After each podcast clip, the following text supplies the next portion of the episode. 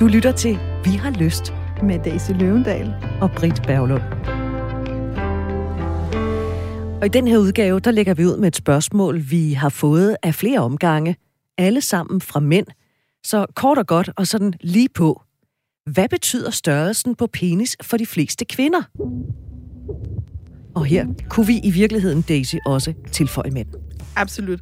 Fordi at jeg tror, at mænd, uanset om det er mænd, der har sex med mænd, eller mænd, der har sex med kvinder, er mindst lige så optaget af størrelsen, som kvinder er.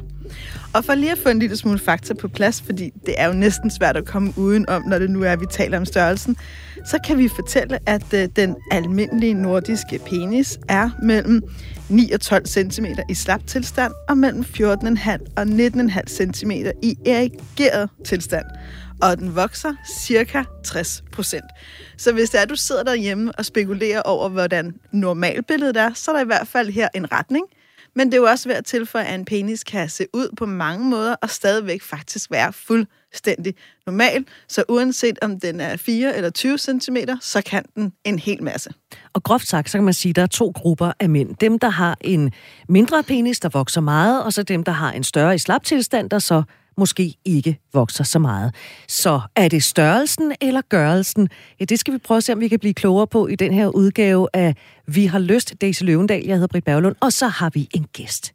Tony Bønlykke Hertz, forperson for DAX, Dansk Forening for Klinisk Seksologi og rådgiver i AIDS-fondet og specialist i seksologisk rådgivning. Velkommen til, Tony. Tusind tak. Må jeg ikke starte med at sige, jeg har det øh, lidt stramt med det her program. Og det er fordi, at jeg har det i virkeligheden lidt svært med, at vi skal tale om mænds peniser, pikke, forplantningsorganer. Altså det der med, jeg føler lidt, at vi står og peger fingre, fordi har vi lavet et program om kvinders bryster. Uh, hjælp mig lige lidt, Daisy, her. Kan du forstå, hvorfor jeg har det lidt ja, svært det med kan det? jeg sagtens. Jeg tror, der, altså, jeg kan sagtens forstå, hvorfor du har det sådan, og jeg har da også lidt følelserne uden på tøjet, og jeg vil helst ikke sige noget, der gør nogen kede af det. Og, Præcis. Altså, det er jo enormt vigtigt for mig, det her program, ligesom er med dem alle sammen, at åbne for en dialog, og i virkeligheden også være med til at normalisere. Men jeg ved også godt, at det her er mega, mega følsomt. Og alle de gange, jeg har fået det her spørgsmål, og det har jeg faktisk fået rigtig mange gange med, hvad betyder størrelsen? Jeg ved jo godt, at det også tit kommer fra et sted med usikkerhed. At det, der også kunne være blevet spurgt om, det er, er min god nok? Og kan den det, den skal, og hvordan ved jeg det? Så jeg ved, det er mega sårbart, og derfor vil jeg også gerne sige tak til alle jer, der har skrevet. Og derfor synes jeg også, at vi skal trække vejret og gøre det, selvom vi er pisse bange. Okay. Men jeg ved, at vi har en god mand med. Uh, vi har udvalgt med, med nøje, fordi at, uh, jeg ved, det er du ikke så bange for at tale om. Nej, det er rigtigt. og det er jeg ikke, fordi det både er en stor del af mit arbejde. Jeg taler mest med mænd, der har sex med mænd, så er også en lille disclaimer her, at min viden er mest baseret på på det. Altså, så det er en mandeekspertise, jeg har, kan man sige. Men jeg har selvfølgelig også beskæftiget mig med, hvad kvinder, så jeg har også et par, altså heteroseksuelle par, i min rådgivning. Og jeg er også selv åben, homoseksuel, bøsse, hvad vi nu skal kalde det, mænd, der har sex med mænd, mand, der har sex med mænd. Så noget af min erfaring er også baseret på, at jeg har set rigtig mange tissemænd i mit liv. Altså, der er meget empiri. Der er meget empiri, det er ja. det må jeg sige, det må jeg gerne, og det vil jeg, jeg gerne vide. Øhm, så ja, så jeg, på den måde er jeg jo både sådan fagligt klædt på, men også øh, personligt klædt på. Og det er jo i virkeligheden med mænds peniser, ligesom det er med kvinders bryster. Det er svært ikke at lægge mærke til dem, øh, hvis man ikke har tøj på, og man skal i gang med en eller anden seksuel akt. Og jeg vil sige, da jeg var yngre, jeg har egentlig aldrig syntes, at man skulle være specielt nær med sig selv. Øh, så jeg har da også haft mine bekendtskaber, lad os sige det på den måde, der har varieret fra... Mm. Den, den, den, den er måske ikke ikke den største, jeg har set, til, er du sikker på, at den der skal i nærheden af mig? Præcis, altså fra, ja. de, fra de små til de ret store, hvor jeg tænker, hold da op, der er jo virkelig stor forskel. Og ja. nu kan jeg godt mærke, nu står jeg sådan lidt og peger ind gennem butiksvinduet på de forskellige størrelser, og det er virkelig ikke sådan, jeg mener det. Men fordi vi mennesker er jo forskellige. Vi har også forskellige størrelser røvballer. Ja, øh, forskellige størrelser lår. Forske- det er jo, I peniser er jo vel i virkeligheden ligesom næser. Fås i all shapes and sizes. Det må man Det var sige. et meget godt eksempel. Ja. Ja. En god sammenligning. Ja, ja, ja, ja. Men det er det, og, og det er det virkelig, og det samme gælder i bryster. Så når du starter med at sige, mm, måske skulle vi så lave et program om det efterfølgende, tænker jeg ikke, fordi det tænker jeg også, især for mange kvinder betyder noget. Ja. Men jeg ved også, at for rigtig mange af mine heteroseksuelle venner, der bliver talt meget om bryster. Så for dem betyder det jo noget, ikke? Helt sikkert. Ja. Hvad, hvad siger de? Ej, jeg ved godt, vi skal tale om penis, men hvad siger de? Jamen alt fra, hun har med, altså gode, og så kommer de med alle mulige slangs, ikke? Balloner, eller tasker, eller kasser, og alt muligt andet, ikke? For det er jo sjældent, de siger bryster. Det bliver vi også nødt til at kende, ikke? Men det, det betyder noget for mange af dem. Og de kan også lave lige en stor røv på en pige. Så er det også ligesom ude, ikke? Åh, også- gudskelov. Det kunne Ja, I også lave det et program om. Ja. Og hvis du nu tænker, det vil jeg egentlig gerne have lavet et program om, så er det nu, at du lige sender os en mail på lyst-radio4.dk, for vi vil hjertens gerne tale om røve og bryster og baller og ører og hvad du ellers har lyst til at tale om. Og nu skal vi altså tale om, ne- ne- eller øh, hvad kalder vi dem egentlig? Altså, fordi ja. jeg synes, vi på det, da- i det danske sprog, der mangler vi nogle ordentlige ord for at tale om vores øh, kønsorganer. Ja. Jeg har boet i England, der var det sådan, der er et lille kælenavn, det er en willy. Ja, ja, præcis. Hvad siger vi på dansk? Vi siger penis, vi siger pik, vi siger Ja. i virkeligheden ikke særlig pæne ting. Hvis man kommer ind i min rådgivning, så vil jeg selvfølgelig lytte på, hvad du sagde. Vil du omtale den som pik, så vil jeg bruge ordet pik. Hvis du bruger ordet penis, så vil jeg bruge det. Og nogle gange bliver man udfordret, fordi der, vi har også folk fra forskellige kulturer, hvor man faktisk ikke kan sige det. Så de taler om det, der er nede, og så kommer man lidt på arbejde, fordi hvad er det helt præcis, vi taler om dernede? Er det hår, behåringen? Er det øh, bollerne? Er det nosserne? Eller er det pikken? Er det tissemanden? Altså, jeg har det som, hvis jeg taler med voksne mennesker, så kan jeg mærke, jeg prøver mig ikke imod tissemand, for det synes jeg er at gøre det til en dreng. Så jeg vil helst selv bruge ordet pik eller penis, hvis jeg skal være meget klinisk. Men jeg, men jeg er ikke så vild med den kliniske Så du går, betegnelse. du går for Jeg pik. går med pikken. Ja. Jamen prøv at altså, er det ikke bare det, så, så kalder vi... Jeg har det virkelig stramt med det ord, men det er jo fordi, at jeg jo heller ikke taler om det til daglig, Ja, ja. modsat jer to. Men det er fint. Jeg går også med pikken, så. vi tager penge. Men det er også vigtigt. Jeg vil sige, jeg har det meget ligesom dig. Jeg vil aldrig med en voksen mand bruge ordet tissemand. Jeg vil heller omvendt heller aldrig bruge ordet pik over for min søn. Nej. Altså, jeg vil aldrig sige hans pik til min søn. Der vil jeg sige dit køn. Eller da han var lille, sagde jeg tissemand. Nu siger jeg mere køn. Jeg bruger faktisk også nogle gange ordet penis, også med mine klienter, fordi det er så dejligt neutralt. Ja. Men allermest, som Tony siger, lytter jeg til, hvad de selv siger. Men jeg synes, at i dag, der bruger vi ordet pik. Godt. Der er konsensus, det er dejligt. Så kan vi komme videre. Daisy, jeg har set min, ikke, ikke min del af dem. Jeg, der, der er mange, jeg ikke har set endnu, håber jeg. Dit forhold til pikken? Jamen, altså, jeg elsker jo penge. Jeg synes, penge er fantastiske. Det er noget af det, jeg blandt andet synes er noget der er allermest spændende ved, ved mænds kroppe. Det vil jeg da gerne indrømme. Øh, på nærmest tidspunkt i mit liv, hvor jeg har været mere interesseret i mig selv og vagina. De, de tider har også været der. Men jeg tror, jeg har egentlig mest, langt hen ad vejen, tror jeg mest, jeg har set sådan lidt standard. Øh, jeg skal dog sige, at jeg har boet i et andet land, så jeg har også været sammen med en mand, der var omskåret. Det kan man jo også sagtens være. Det kan man jo være af mange forskellige årsager. I Mexico, hvor jeg har boet, der er det faktisk meget almindeligt. Ikke religiøse årsager, men mere kulturelt. Det ved jeg, at der er nogle store debatter om.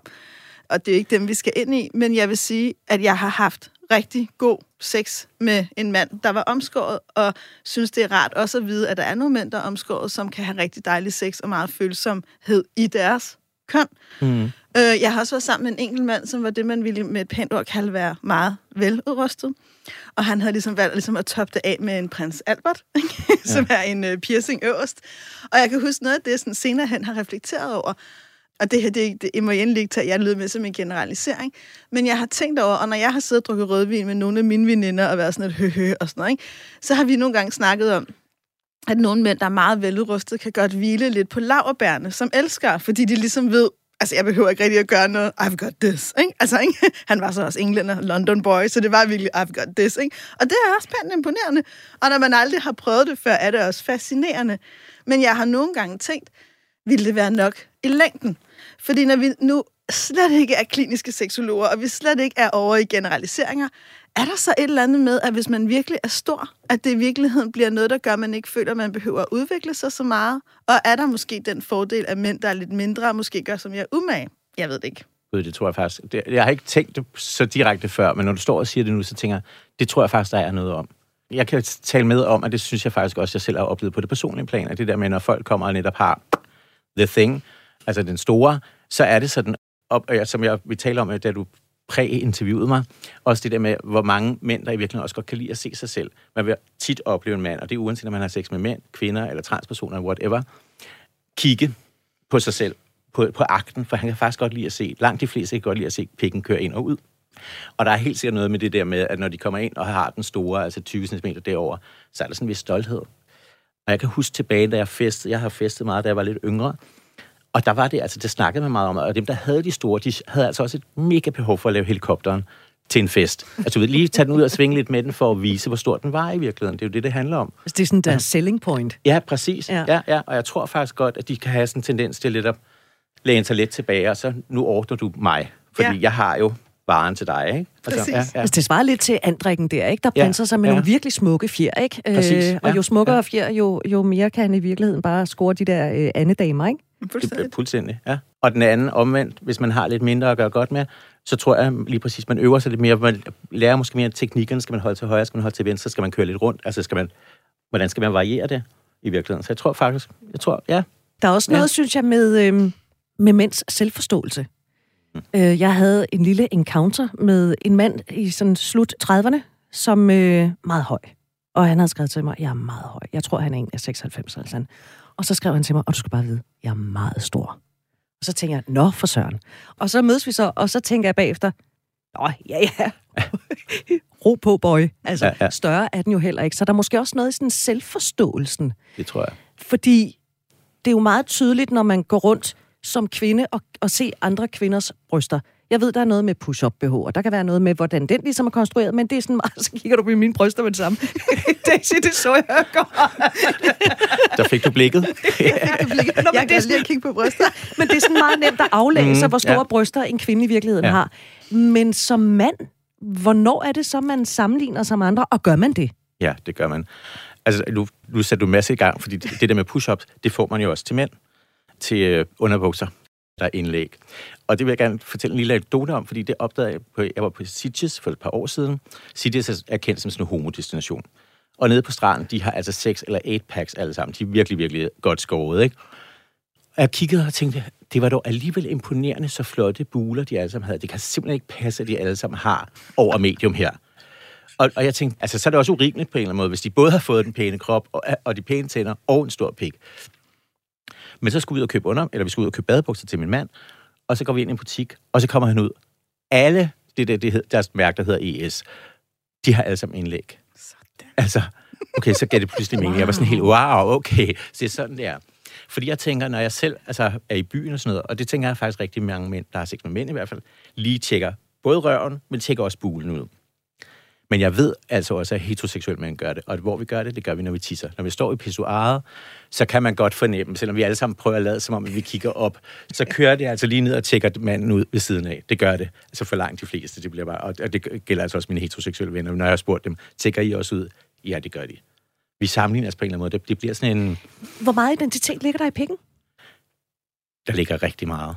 Ja, og det er jo også derfor, det er så forbandet svært for mange mænd, hvis de mister evnen til erektion. Altså så sådan nogen som Daisy og jeg altså på, på arbejde. For det er rigtig, rigtig svært at komme igen med. Man skal virkelig jo omstille hele sin seksualitet, hvis den pludselig ikke virker. Man skal til at tænke anderledes. Det er ikke, fordi man ikke kan komme i mål med det, for det kan man. Men der skal arbejdes, og, ved, og ved hele tankeprocessen skal, skal retænkes. Ikke? Altså, det er jo den, vi bruger som mænd. Det er jo det, det er, som jeg også sagde, det der med, at vi kigger på os selv, når vi har sex. Vi kigger, når den kører ud og ind, eller den har rigtig, rigtig stor betydning for rigtig mange mænd. Ja, jeg tror da også, at når man også... Altså, jeg, jeg snakkede engang med en øh, sygeplejerske, som også interesserer sig rigtig meget for seksologi, og hun fortalte, at når hun har siddet og overvåget mennesker, der kommer ud af narkose, så er det helt vildt tit, at det første, en mand gør, det er, at han simpelthen tager til sin penis. Ligesom, altså sådan helt instinktivt lige mærker en gang, ikke? Den er der ikke. er den der stadigvæk, ikke? Og langt de fleste kvinder, der er mødre, de siger, min børn, min børn, hvor er min børn, er min børn, okay? Altså, ikke? og det, jeg siger ikke, det er sådan for alle, men hun er sådan lidt en ældre dame, der har virkelig siddet meget ved den der seng. Og så på et tidspunkt, fordi jeg synes, det var en sjov tanke, så begyndte jeg at spørge mænd i mit private netværk, rør du egentlig ved dig selv om morgenen? Og helt vildt mange mænd, jeg møder, og mange af de mænd, jeg har haft intime forhold til, har lige hånden nede og siger hej hver morgen på en anden måde, end jeg tror, mange kvinder har. Øhm, og det betyder jo også, at hvis ens seksualitet starter der, også når man går fra, fra dreng til ung mand, og man begynder at blive interesseret i sex, så tror jeg også, at rigtig for mange starter det med, at man lige tager fat, og man har jo i forvejen fat om penis flere gange om dagen, når man måske tisser. Så ens første forståelse af, hvad sex er i ens egen krop, kommer jo også i den der, jeg mærker min pik, jeg ser min pik, jeg ser den vokse, jeg ser den blive slap, jeg udforsker med mig selv. Det kan piger også sagtens gøre. Det er en stor fortaler for, at vi skal give piger lov til. Men piger har bare ikke kulturelt haft samme lov til lige at tage hånden ned hver morgen, eller tage hånden ned, når de går på toilettet, og lige at sige hej. Der er faktisk mange voksne kvinder, jeg arbejder med, hvor jeg giver dem den opgave og siger til dem, prøv lige en gang at lægge din hånd på dit eget køn en gang om dagen. Du behøver ikke at onanere eller masturbere eller gøre alt muligt, men prøv lige at bare tage kontakt og lige mærke, den her del af mig er også til stede. Det er også mig, for ligesom i virkeligheden giver dem den øvelse for at hjælpe dem til at forbinde sig selv. Men der oplever jeg, at de fleste mænd har mere den forbindelse sådan helt intuitivt, og det gør jo noget ved vores identitet. Jamen lige præcis. Og, og vi snakker om det der med før, altså mænds seksualitet, den er meget tydelig. Man kan ikke se på en kvinde, hvis, de bliver våde, vel? Medmindre I bliver rigtig våde. Altså hvis I har tøj på, så kan man jo ikke se, men det kan man på os. Lige snart vi bliver liderlige, så står den, og det er ikke altid, den står kun fordi vi er liderlige, men den vokser, så det bliver ret tydeligt. Og igen det der med, hvis man så skal tale om dem der, der så bliver ramt på sygdom af en eller anden måde. Det er jo ikke sikkert, at det er, fordi man aldrig kommer til at få rejsning på igen. Det kan være, at man skal tilvændes med noget medicin, som gør, at man i en periode ikke kan få rejsning. Og der er min erfaring også, at mange mænd faktisk holder op med at onanere. Fordi den lige pludselig kan ikke kende den igen. Den bliver bare sådan en lille hudlap på en eller anden måde. Så man skal tilbage igen, hvis man først har mistet det. Ikke? Men fordi du har fuldstændig ret. Alle mænd, tror jeg, med far for at være virkelig sådan stigmatiserende måske, men vi rører den hver morgen. Vi skal jo også, om ikke andet, ud af tisse. Og langt de fleste af os vågner jo op med en morgenrejsning. Fordi det, det er helt naturligt, det gør kroppen, og den skal rejse i løbet af natten, ellers er der noget galt.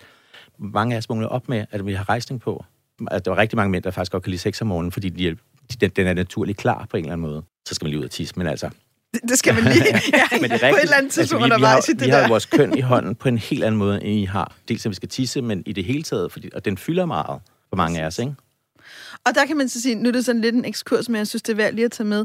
Når der er, man taler om lyst, og man også i sexus har ligesom fundet ud af, at kvinder har i hvert fald på papir mindre lyst, så tror jeg også, man altid skal huske, at der er også et element af lyst, man kalder biofeedback, for nu at bruge et dyrt ord. Og det er den der, hov, jeg vågner, min penis er rejst, ah, jeg må have lyst, fordi jeg har lært at forstå, at rejsning betyder, at jeg har lyst. Så det bliver også en forståelse af, at jeg har egentlig ja. lyst. Så derfor kan man diskutere, at det i virkeligheden, fordi vi også tolker vores krop forskelligt, hvis alle kvinder gik ned og lige mærkede en gang, så vil der for rigtig mange kvinder, om ikke andet omkring ægløsning, hver dag, hvor man var mere våde. Men eftersom vi ikke mærker det, så tænker vi jo ikke, åh, jeg har mega meget lyst i dag. Men hvis det var, at vi faktisk mærkede det, kunne det godt være, at vi tænkte, gud, der er jo gang i det helt store lysthus. Ja, ja.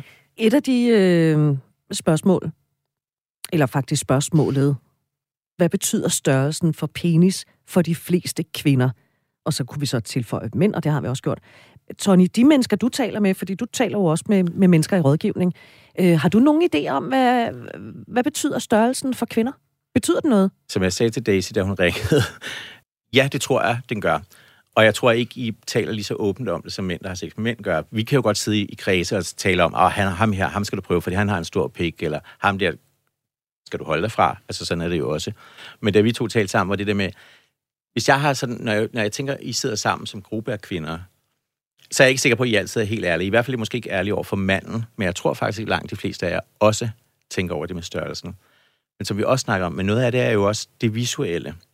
Så det er ikke sikkert, at det i praksis har den store betydning.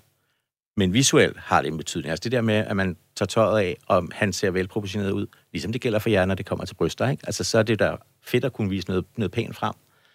Og som Stacey startede med at sige, så er, der, så er der krumninger. Altså, så det kan også have betydning, om den krummer den ene eller den anden vej, fordi rammer man rigtig, rammer man spottet, når man er inde. Og det tror jeg, vi skal tale meget mere om, det der med, at det, jo, det er faktisk gørelsen i den sidste ende, men visuelt betyder det noget. Er det komplimenter for at vide? Øh... Altså, jeg har da fået spørgsmålet nogle gange, synes du, den er stor? Ja, og hvor ja. er det sådan, der kan jeg godt fornemme, at jeg skal sige ja.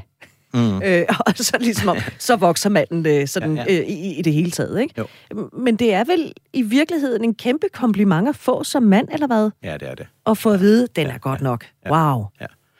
Og det kan være rigtig skambehæftet for dem, der måske ikke har det. Ikke?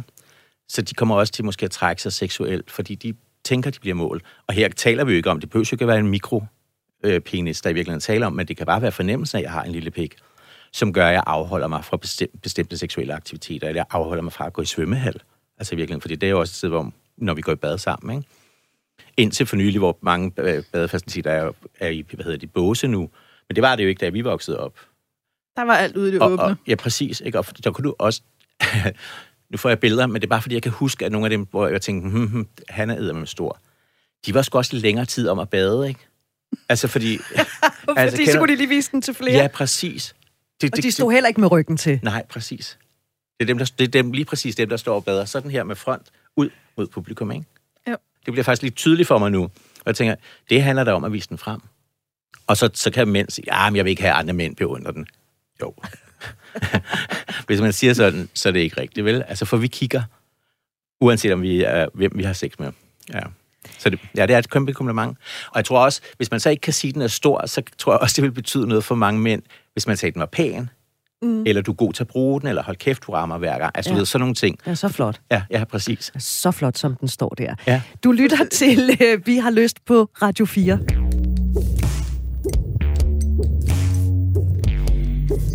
Vi taler om øh, størrelsen på penis betyder noget for de fleste kvinder, fordi det er et spørgsmål, vi har fået ikke bare én, men øh, flere gange fra mænd.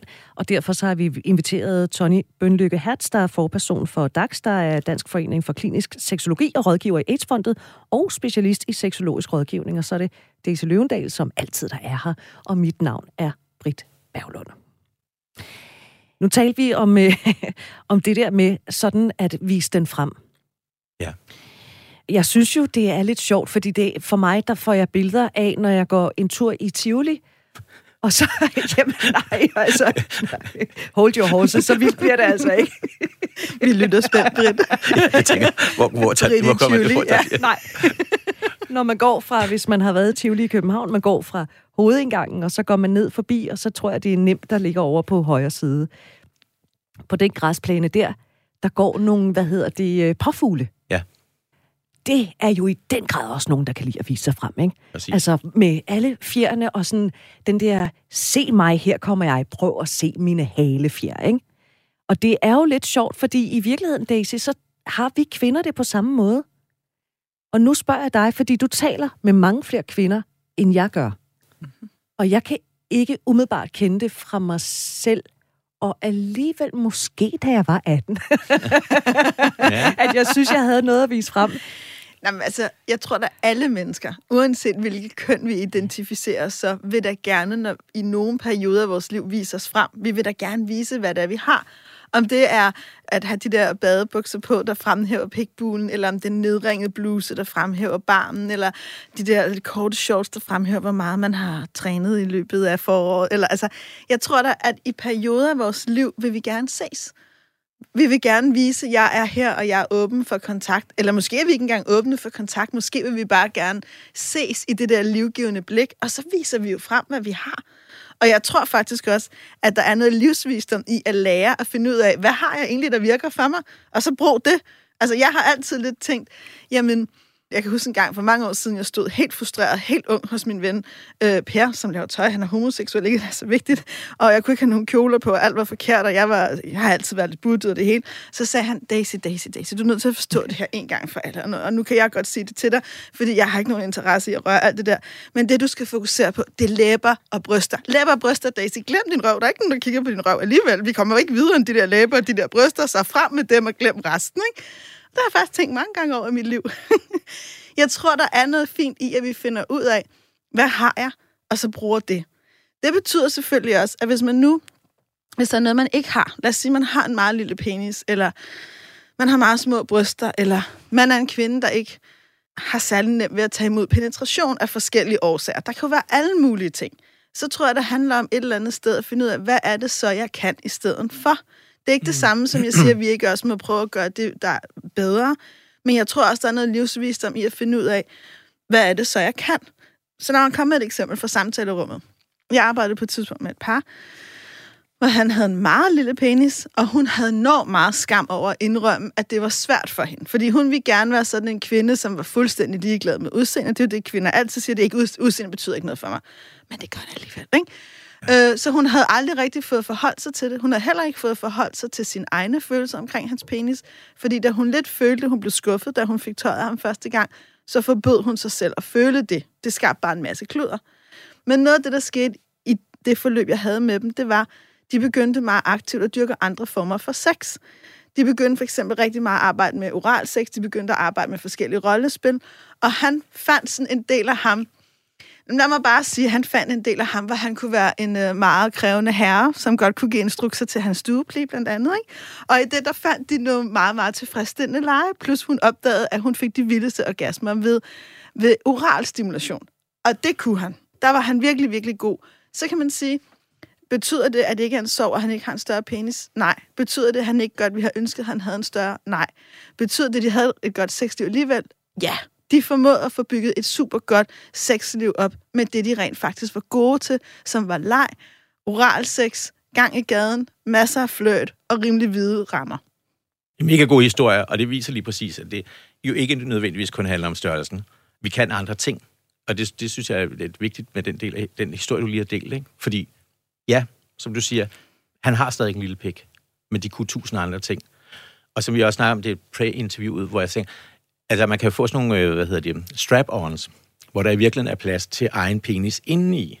Så du ved, så, så, så han, han bliver stadig stimuleret, men han har en større pik udenpå, hvis det er der, man kan gå hen. Det er jo i hvert fald en måde, hvor han måske stadig kan bruge det. Det kan godt være, at man skal over en periode og tale om, eller opleve, at man har en lille pik.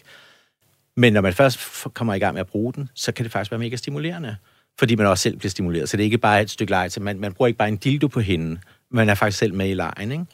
Og så kommer jeg i tanke om noget andet, og jeg tænker, et godt fif, fordi det visuelle stadig betyder noget, det er, hvis man, hvis man er mand, og man er meget busket, altså hår, behåring, og, og meget tit øh, vokser behåring faktisk lidt ud på pikken, på skaftet.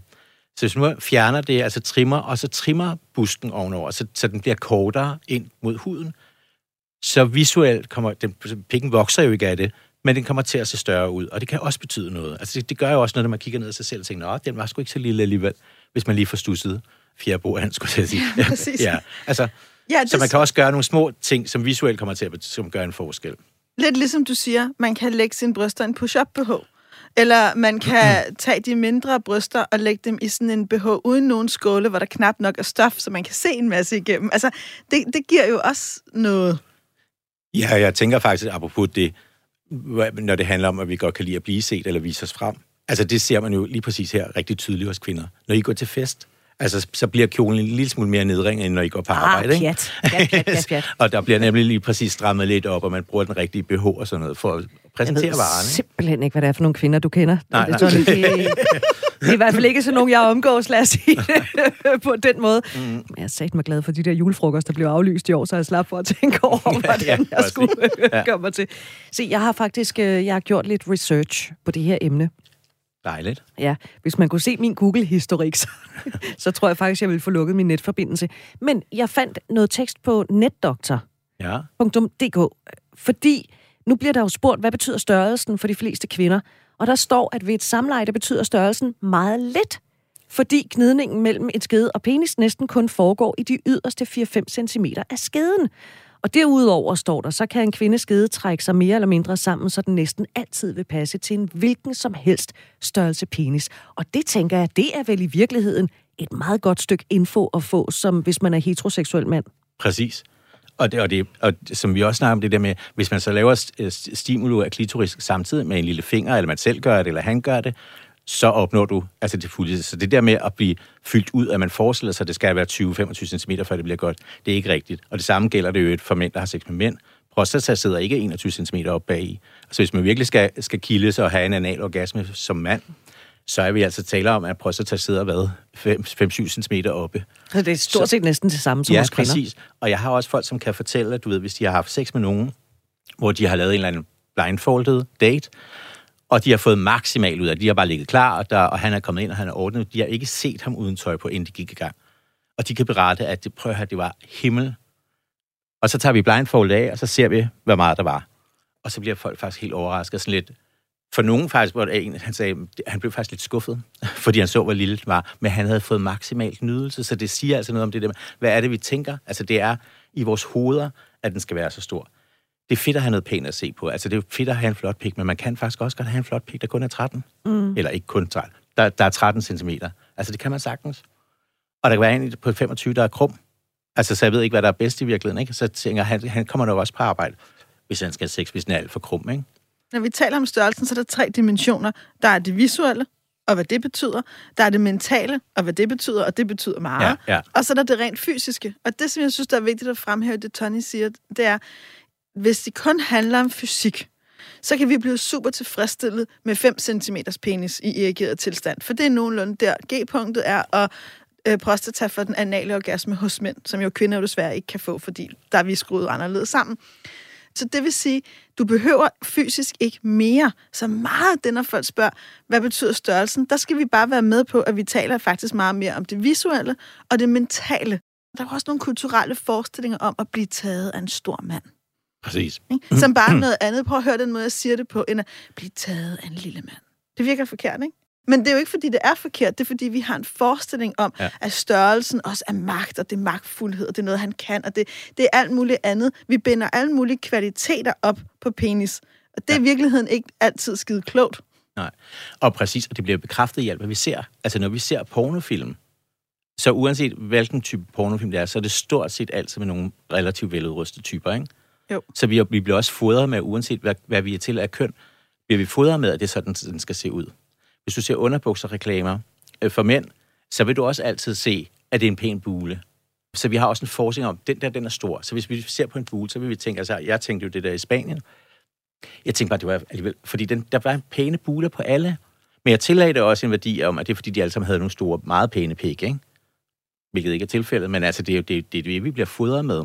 Og så tror jeg, at man i, i mandekultur, det kan også godt være, at I gør det som kvinder, det ved jeg ikke, hvordan I gør det, når I er jer selv, men fordi vi også sådan, vi, vi tillægger det større værdi, så hvis vi hele tiden også taler om, ham derovre, han har en stor pik. Han er lækker, og han har en stor pik. Altså sådan i homokreds er det ret tit sådan, vi taler. Så vi kommer også til at lave, genfortælle en forestilling om, at det skal være sådan, for at være godt. Og det er nemlig lige præcis ikke tilfældet. For hvis du snakker om det fysiske. I fysikkens verden er det ikke det, det handler om. Jeg har sådan en profil på Tinder, fordi jeg er single. Og jeg øh, kan enormt godt lide mænd. Altså, jeg synes, mænd er virkelig, virkelig dejlige. Så det er mænd, jeg interesserer mig for. Der er simpelthen nogle mænd, der skriver i deres øh, profiltekst, så skriver de, er veludrustet. Ja. Allerede der, der tænker jeg, ved du hvad, så er du ikke noget for mig. Fordi hvis det er dit selling point, det siger for mig, at så ligger dine værdier måske et forkert sted. Eller er det mig, der er helt galt på den, Tony? Er det, er det en mandeting? Altså, Ja, det øh, tror jeg faktisk, det er. Fordi det gør vi i hvert fald også rigtig meget homokrise. Altså det der med, at der står well hung og altså well equipped og sådan noget. ja. Gør det, ja.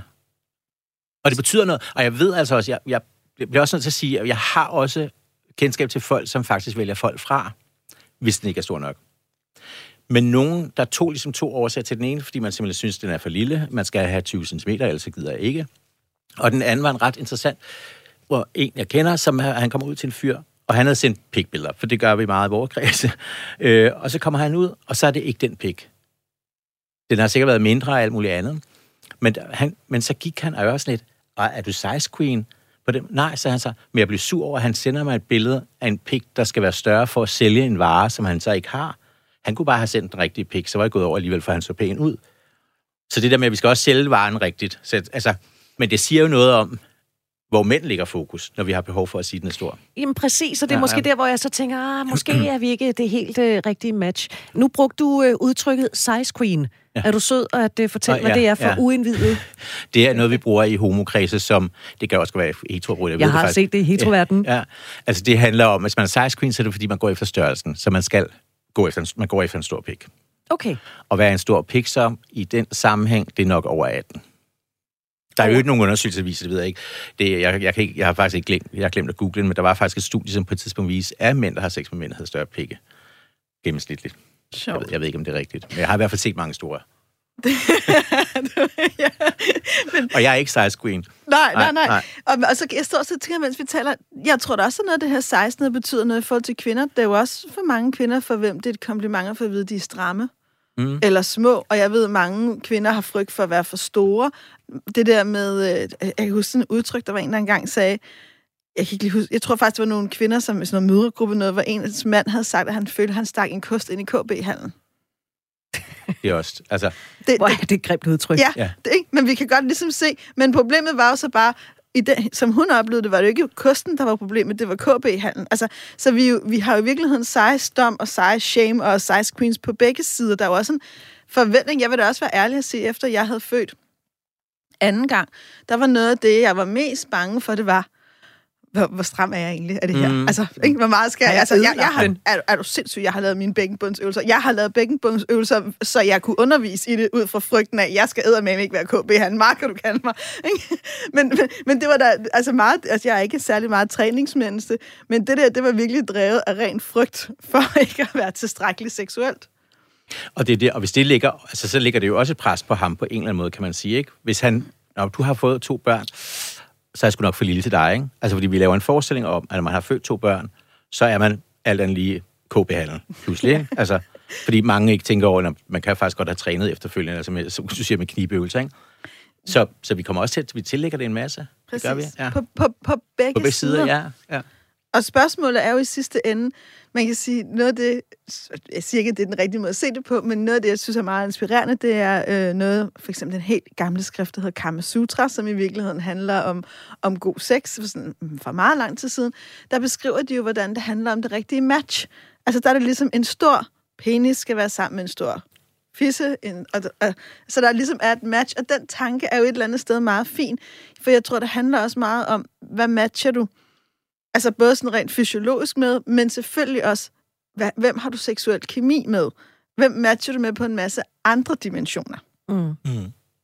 Det kan være, at der er nogen, der sidder og tænker nu, hvor vi taler om størrelsen, og det gør vi jo øh, meget indiskret, fordi vi jo har fået et spørgsmål om størrelsen betyder noget øh, fra flere mænd. Penispumpe, siger jeg så, Tony. Er det en ting? Altså, er det noget, der findes? Kan man gøre den større ved at bruge en penispumpe, eller er det sådan noget... Øh, hvad hedder sådan noget, af scene on TV, som man i virkeligheden bare smækker ind under sengen, fordi skidtet ikke virker? Altså nogen, altså det, det, det er faktisk også en helt fetish, vil jeg sige. Altså igen, i måske særlig kredse. Ja, yeah, but why not? Ja, jamen, præcis. Og den, den bliver jo fysisk større, når du pumper, altså i situationen. Og nogen, jeg ved sgu ikke, hvor jeg selv hælder til, men jeg tænker, vi siger i seksologkreds, altså use it or lose it, ikke? Så jeg tror også, du ved, hvis man holder den øh, i gang hele tiden, så tænker jeg også, at den visuelt, fordi så er der blodtilstrømning, så den relativt, øh, sådan, hvad hedder det, stationært, eller hvad man kan sige, så tænker jeg faktisk, kommer til at betyde. Og, ja, og, og der er også folk, der, der sværger til, at, at det kan, faktisk godt kan give en centimeter eller to i, i længden over tid. Men jeg det ved, må man selv udforske, hvis ja, man jeg har tænker lidt, jeg er faktisk lidt jeg ved ikke, om jeg tror på det, om det er rent fysisk, hvis man så holder op igen, om det så stadig vil fungere. Mm. Det er nok måske det, jeg prøver at sige. Men der er ingen tvivl om, at for nogen, igen, det der med, hvis man tænker, at jeg gerne vil være lidt større, så kan man jo eksperimentere med sig selv.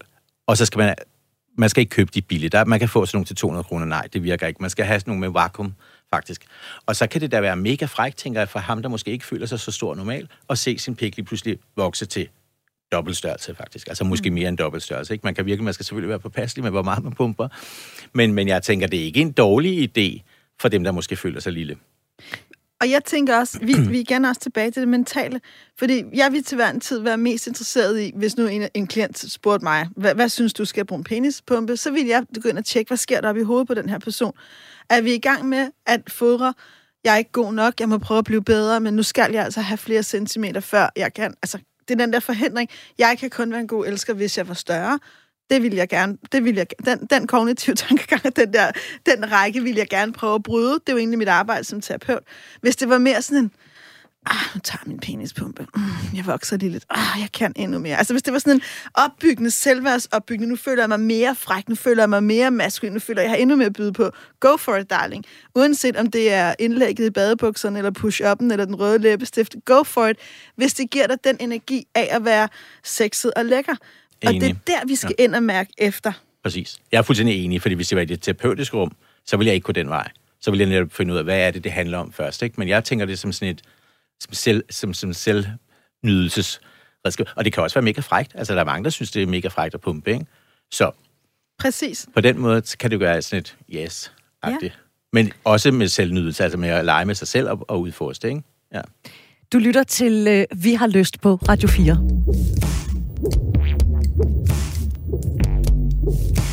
Daisy Løvendal og Britt Berglund, det er dit første lørdags makkerpar, og så har vi besøg i dag af Tony Bønlykke Hertz, der er forperson for DAX, der er Dansk Forening for Klinisk Seksologi. Tony er også rådgiver i AIDS-fondet og specialist i seksologisk rådgivning. Og vi har inviteret Tony, fordi vi har fået spørgsmålet flere gange, hvad betyder størrelsen på penis, skråstreg pik, øh, for de fleste kvinder. Øh, og nu har vi talt en del om størrelsen, og gør den større, måske ikke så meget mindre, men øh, øh hvad, hvad, hvad hvis den er skæv, Tony? Har, har det nogen... Øh, har det nogen... Øh, er, gør det noget for mænd? Altså, er de ligeglade med, om den er skæv, eller... Nej, min erfaring er nok... Altså, jeg er jo ret ligeglad som kvinde, ja, kan man ja, sige. Ja, ja. Jeg tror, langt de fleste mænd gerne så, at de havde en, der var mere string, altså stringent, skulle jeg sige, men mere straightforward på en eller anden måde, ikke? Fremadrettet. Øh, og jeg vil også sige, at man kan jo godt arbejde med det, altså hvis den er meget krum, kan man faktisk godt blive opereret for det jo. Altså, men det, man skal, altså, det er jo et øm, ømtåligt emne, ikke? Jamen, det betyder noget i praksis. For jer, det ved jeg faktisk ikke, men jeg tror, det betyder noget for manden. Mm. Hvis den er meget, altså... Og når vi taler krum, så, så er det jo ikke bare den er nødvendigvis heller 10 grader til højre. Der kan virkelig være nogen, der er meget krumme, som nærmest det kan være umuligt at gennemføre et samleje. Er det det, man kalder en krummerik? Ja, det må man sige. Det er, når ja, det ikke ja. er flagstangen, der står ja, ja, på en solskinsdag i maj. Ja. ja.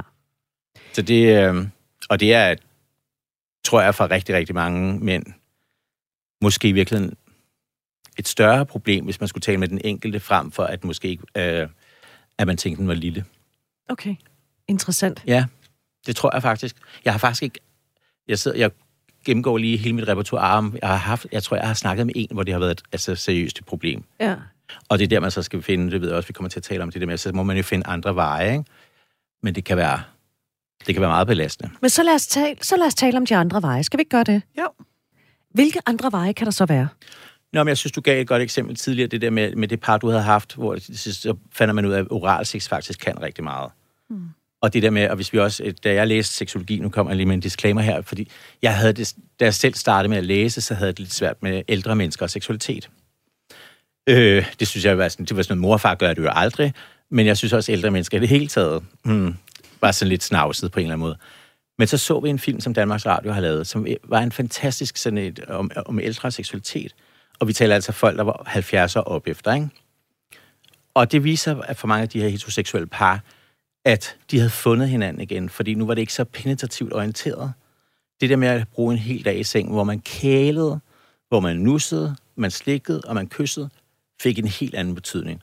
Og jeg tror desværre, at, at det, der sker for mange af os, når vi tænker sex, hvis vi tænker, at vi skal have sex, så tænker vi penetration. Mm. I stedet for at tænke, prøv her, kunne vi gøre noget andet i virkeligheden? Og hvis vi flyttede fokus fra det penetrative, så tror jeg, vi opdager altså mange sider af os selv. Hvis vi begynder at gå på optagelse i kroppen, hvis man, men nogle gange, hvis folk har, øh, er gået lidt stor i deres sexliv, så kan man lave sådan øh, hvad hedder det, sensualitetstræning, hvor man går på opdagelse på kroppen. Altså, huden er jo et kæmpe organ, som vi overser. Altså, og så tænker vi, så er det brystvorterne. Ja, ja, det er også en god ting, men det kan lige sikkert være under armene. Det kan være i albuerne. Altså, altså man kan have eugene zoner, præcis. hvor man ikke ved, man har ja, eugene ja, zoner, fordi at det så kommer til at handle om penetration hver gang. Præcis, fordi vi er så fokuseret på ja. det, og som vi også taler om i indledningen, det der med, når man skal bruge kondom for eksempel, så, så, så sker der også, at vi kan have ligget og have lavet alt muligt frem og tilbage. Når vi tager kondomet på, så tænker vi, nu skal den køres til ende. Altså så ligesom om, nu, nu gør vi det færdigt. Så det der med at bolle lidt med kondom og trække sig ud og at tage kondomet af, for så at fortsætte. Sådan tænker vi ikke. Der, der sker sådan et eller andet, du ved, med os, at vi tænker, nu skal vi ind, og så gør vi det færdigt. Er kondomet en dræber egentlig? Ja, for mange. Men jeg får lige lyst til at fortælle en anden historie først. Bare, ja, undskyld. Ja, det skal du ikke undskylde. Det er bare fordi, øh, du besidder så meget viden. Der, hvad hedder det, folk, der er lamme, øh, kan faktisk opleve, altså hvis man bliver lam, hvis man knæ, hvad hedder det, brækker øh, nakken, og bliver lam fra nakken og ned efter, så vil man jo tænke, så er sexlivet slut. Men faktisk har det vist sig, at man kan træne det område, der går mellem at være lam og til følelse. Det lille område der, kan folk simpelthen træne sig op til at få orgasme ved. Så det siger bare noget om, at, og det, det er et meget godt eksempel på, at hvis vi vil, så kan vi så meget andet end penetrativ sex. Så hvis man har en udfordring med sin størrelse, eller med, at den knækker den forkerte vej i forhold til den partner, man har sex med, så er der tusind andre måder. Man altså gå på opdagelse på huden, så man opdage, at der er mange steder. Og så spurgte du om det med kondomet. Nej, det havde jeg glemt. Undskyld, ja. Øh, for rigtig mange sker der det. Altså nu, her er min erfaring. Klart mest mænd, der har sex med mænd. Og der kommer nogle andre, der er nogle andre parametre, der spiller ind. For når vi tager kondomet frem, så tænker vi dels, nu skal det gøres færdigt. Men det er også, fordi vi har en fætter med i soveværelset, som er ubehagelig. Den hedder HIV, eller andre seksuelle overført sygdomme. Så det der med, at pludselig kommer der en tredje part med i soveværelset, og det gør noget for mange. Og det gør især noget for rigtig mange at ham, der skal tage kondomet på, at han mister rejsningen. Fordi der, der går simpelthen for, for mange ting i gang op i hovedet. Vi flytter sex fra, det var dejligt at have rejsning på, det var dejligt, at vi lavede alt det her, til at nu skal vi, nu skal vi præstere, så præstationsangsten stiger med 100% for rigtig mange. Der er også masser, der kan finde ud af det, ikke? Men også fordi vi får, får, får hiv med ind i soveværelset. Og det er jo det, vi har kæmpet med siden 80'erne, med forestilling om at have hiv med i soveværelset. Og det er stadig et issue for mange. Det er Helt det. sikkert. Ja. Og jeg tror, noget af den frygt og angst, kvinder har med, øh, det er angsten for at blive gravid, øh, angsten for, at nogen går over ens grænser, øh, angsten for, at øh, nogen gør noget, man ikke vil have, uanset om det er at penetrere en for hårdt eller analt, uden at man har haft lyst til det. Altså, så man kan sige, der er, der er alt, ikke altid, men frygt er også en del af det seksuelle landskab. Rigtig mange mennesker har oplevelser med sig, som har gjort dem bange eller kede af det, eller overtrådt deres grænser. Og nu taler jeg ikke nødvendigvis om noget, hvor politiet skulle have været inde over. Jeg taler også bare om, om de misforståelser, der kan være, eller den gang man selv drak sig lidt for fuld og sagde ja, og jeg lagde krop til noget, hvor man bagefter blev pisseked af det, fordi man troede, at man kunne mere, end man egentlig kunne. Altså, det er en del af vores seksuelle landkort også, at der er ting, der er svære. Rigtig mange kvinder i Danmark har været uønsket gravide, og for nogen har det at være, få en abort været super ukompliceret, og for andre har det været rigtig smertefuldt. Der, der er ikke nogen rigtig eller forkert historie, men der er rigtig mange historier om det. Og når du, som du siger, Tony, når kondomet så kommer frem, så er det tit et punkt også i vores sex, hvor vi ligesom bliver mindet om, det her er alvorligt. Mm, ja, ja, præcis. altså, ja, ja. Det er faktisk ikke bare ja. rent tand og fjæs og leg. Nej, det er et stykke virkelighed, der kommer ja, med ja, præcis, ind lige pludselig ja. og blander ja. sig. Øh, ja, men det er, fordi I har jo også, I skal jo passe på ikke at blive gravide, eller ja. sammen med den partner, man har sex med. Så der er noget på spil, når vi tager kondomet frem. Så er det, fordi det bliver, som du siger, alvorligt. Præcis. Ja. Både det med at passe på ikke at blive gravid, eller også den der, okay, nu, nu boller han mig. Altså, ja, du ved, kondomet ja, ja, betyder jo også, nu penetrerer dig. Jeg tager ja. ikke kondom på, fordi jeg har tænkt mig at blive ved med at kysse dig, eller give dig oral sex. Det betyder jo også noget andet. Altså, Øh, og det kan være... altså, det er jo det, der i virkeligheden er så skide svært med kondomer, fordi som, som i min fagområde synes jeg jo, at alle skal bruge kondomer, og kondomer er fantastiske, og det er så enormt god beskyttelse. Men fakta er også, at kondomer er skide svære. Mega svære. Vi har kun øh, syv minutter tilbage. Altså, tiden flyver jo øh, ja, ja, vanvittigt meget. Og jeg kunne godt tænke mig, at vi skal nå i hvert fald to ting. Øh, skam, den vil jeg godt lige øh, sparke til hjørne et øjeblik. Fordi nu, hvor vi taler om kondom, Øh, grunden til, at der er et kondom involveret, det er, fordi vi ikke skal have sperm, øh, hvor sperm ikke skal være. Ja. Øh, eller for eksempel seksuelt overførte sygdomme. Ja. Øh, hvor vigtig er sperm? Øh, nu spørger jeg direkte. Ja. Jeg ved ikke, om du lagde mærke til det. jo, jo, det kom meget direkte. øhm, et spørgsmål, jeg aldrig troede, jeg skulle stille. Jeg har ja. faktisk, og jeg er så glad for, at du spørger, fordi da jeg læste seksolog, da jeg læste seksologi, der var min hovedopgave, da man skal skrive sin afsluttende eksamensopgave, så var min opgave betydningen, hvad, øh, hvad betyder sperm for HIV-positive mænds sexliv?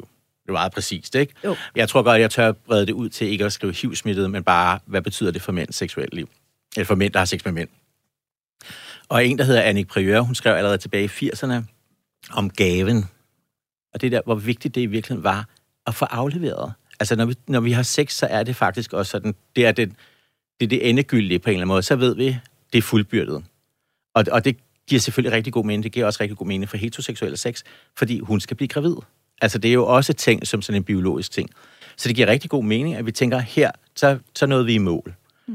Øhm, og det betyder sindssygt meget for rigtig mange mænd. Altså, og hvis man spørger folk, sådan, hvor vil du gerne have det, så er der jo ikke grænser for, altså skal der helst være, der kommer faktisk desværre kun 2-3 milliliter, ikke? Altså det er jo ikke, fordi der, det vælter ud. Det kan synes voldsommere.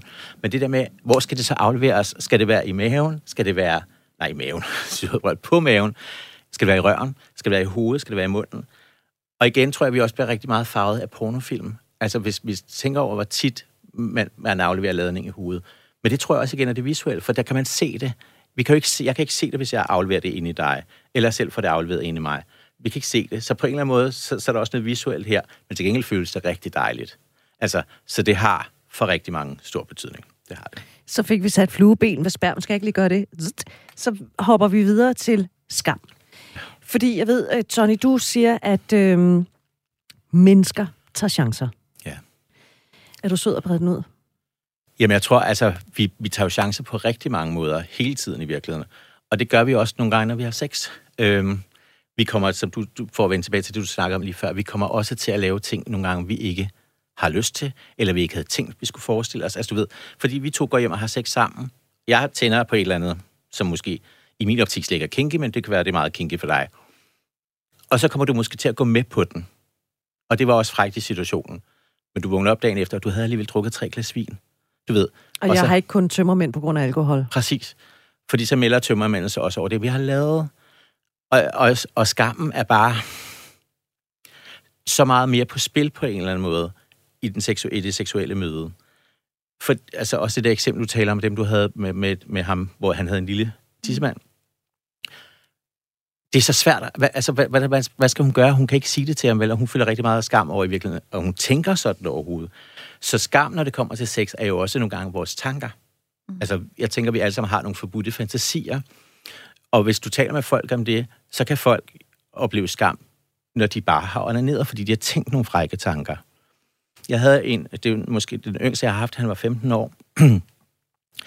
og han tændte på at se, se sex med mænd, øh, hvor det var en ung fyr, der blev gangbanget af flere voksne mænd. Og han, og han følte sig jo også seksuelt afhængig, ikke? 15 år, og havde fortalt sin mor og far det.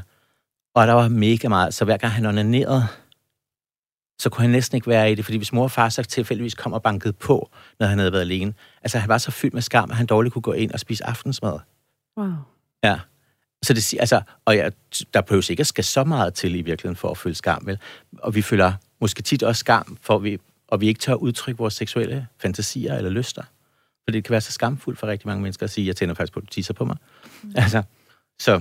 Eller man øh, øh, er rejsende i historien om, at man er heteroseksuel, men måske er man i virkeligheden, så kunne man godt tænke sig at udfordre sit oh, eget ja. køn også. Ja. Præcis. Der er rigtig meget skam forbundet med det. Ja. Og det, altså, og det er også derfor, man ser så mange mennesker, der bruger stoffer i forbindelse med sex. Det er også et af mine speciale områder, noget kæmsex. Og det giver rigtig god mening, hvis man ser det i sådan en kontekst. Fordi det, det der med, jeg tør, fordi jeg har taget to streger af et eller andet. Så pludselig tør jeg at udleve det her. Og lige så snart stregerne holder op, så er det ikke, fordi skammen bliver mindre, men øh, næste weekend trækker det igen. Ikke? Mm. Altså, det giver rigtig god mening, at vi drikker os fulde. Det giver rigtig god mening, at vi tager stoffer.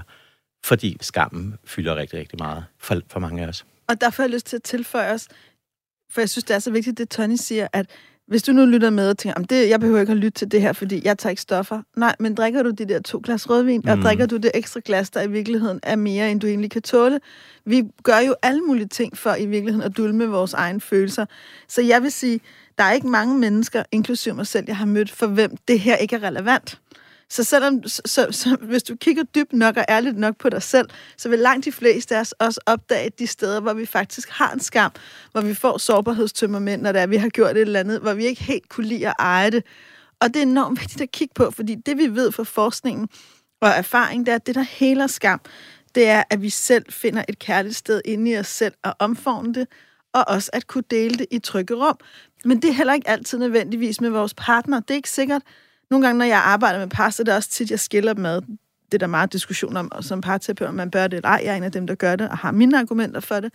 Men det er jo ikke altid sikkert, at det er hele et parforhold at sige, vi har godt nok været sammen længe, jeg har aldrig rigtig tændt på din pæk. Jeg synes, den er alt, alt for lille. Faktisk så drømmer jeg hele tiden om at have sex med min ekskæreste, som var en stor italiener med 21 øh, øh lige centimeter, ikke? Øh, som kunne lige have sex alle mulige øh, eventuelle steder. Det er jo ikke sikkert, at det rent faktisk hjælper. Så det er måske noget af det, du i virkeligheden skal bearbejde med dig selv. Men det, du måske kan gå sige til din partner, det er, jeg kunne godt tænke mig, at vi havde en anden form for sex. Jeg kunne godt tænke mig at blive mere fyldt ud. Kunne vi have den her legetøjspakke, der også inkluderer en strap-on, som du talte om, Tony, hvor du kan lægge din penis i, eller en dildo. Jeg kunne godt tænke mig, at vi havde sex andre steder end hjemme i soveværelset. Hvad er det, I kan sammen? Og finde det sted kan være enormt helende. Og, og så måske i virkeligheden også lige uh, lukke øjnene, eller sørge for, at uh, der er nogen, altså uh, sådan et blindfold. For eksempel. Ja. Men det er også vigtigt at sige det der med skam. Vi, vi, vi bliver alle sammen ramt af det så, det, så det er ikke mærkeligt at opleve skam. Det er naturligt. det er en naturlig ting af os, og vi skal det, som du siger, få kigget på det. Altså på en eller anden måde, så kan man søge andre steder hen, hvor man er med ligesindet. Men også bare mærke, okay, der følger skam, hvorfor gør jeg det? Er det nødvendigt, at, altså hvis jeg vil fortsætte den her vej, så tal med nogen om det på en eller anden måde, så man ikke behøver at falde ud i, at man skal have, have stoffer hver gang man gør det, ikke? eller drikke sig pisse stiv. Præcis. Det vil vi faktisk hellere have, at du lader være med at gøre ja. noget andet. Ikke? Ja, Helt sikkert. Nu har vi talt i næsten 55 minutter om, hvad størrelsen betyder øh, for de fleste kvinder, altså størrelsen på penis, skråstreg, pik, skråstreg, hvad man ellers har lyst til at kalde den. Øh, vi når ikke mere, øh, desværre. Øh, Tony, tak fordi du vil være gæst her. Bønlykke Hertz, øh, forperson hos øh, DAX og Velkommen. rådgiver i AIDS-fondet og specialist i seksologisk rådgivning. Og så vil vi jo bare sige, Daisy, til sidst, at hvis man har input, hvis man har nogle erfaringer, hvis man har spørgsmål, hvis man har kommentarer, så Skriv til os på lyst.radio4.dk, og jeg vil næsten udfordre dig. Der må der være et eller andet, vi siger, som du har lyst til at kommentere på. Så skriv, skriv, skriv. Det er det, vi er her for. programmet det blev præsenteret for Radio 4 af Only Human Media.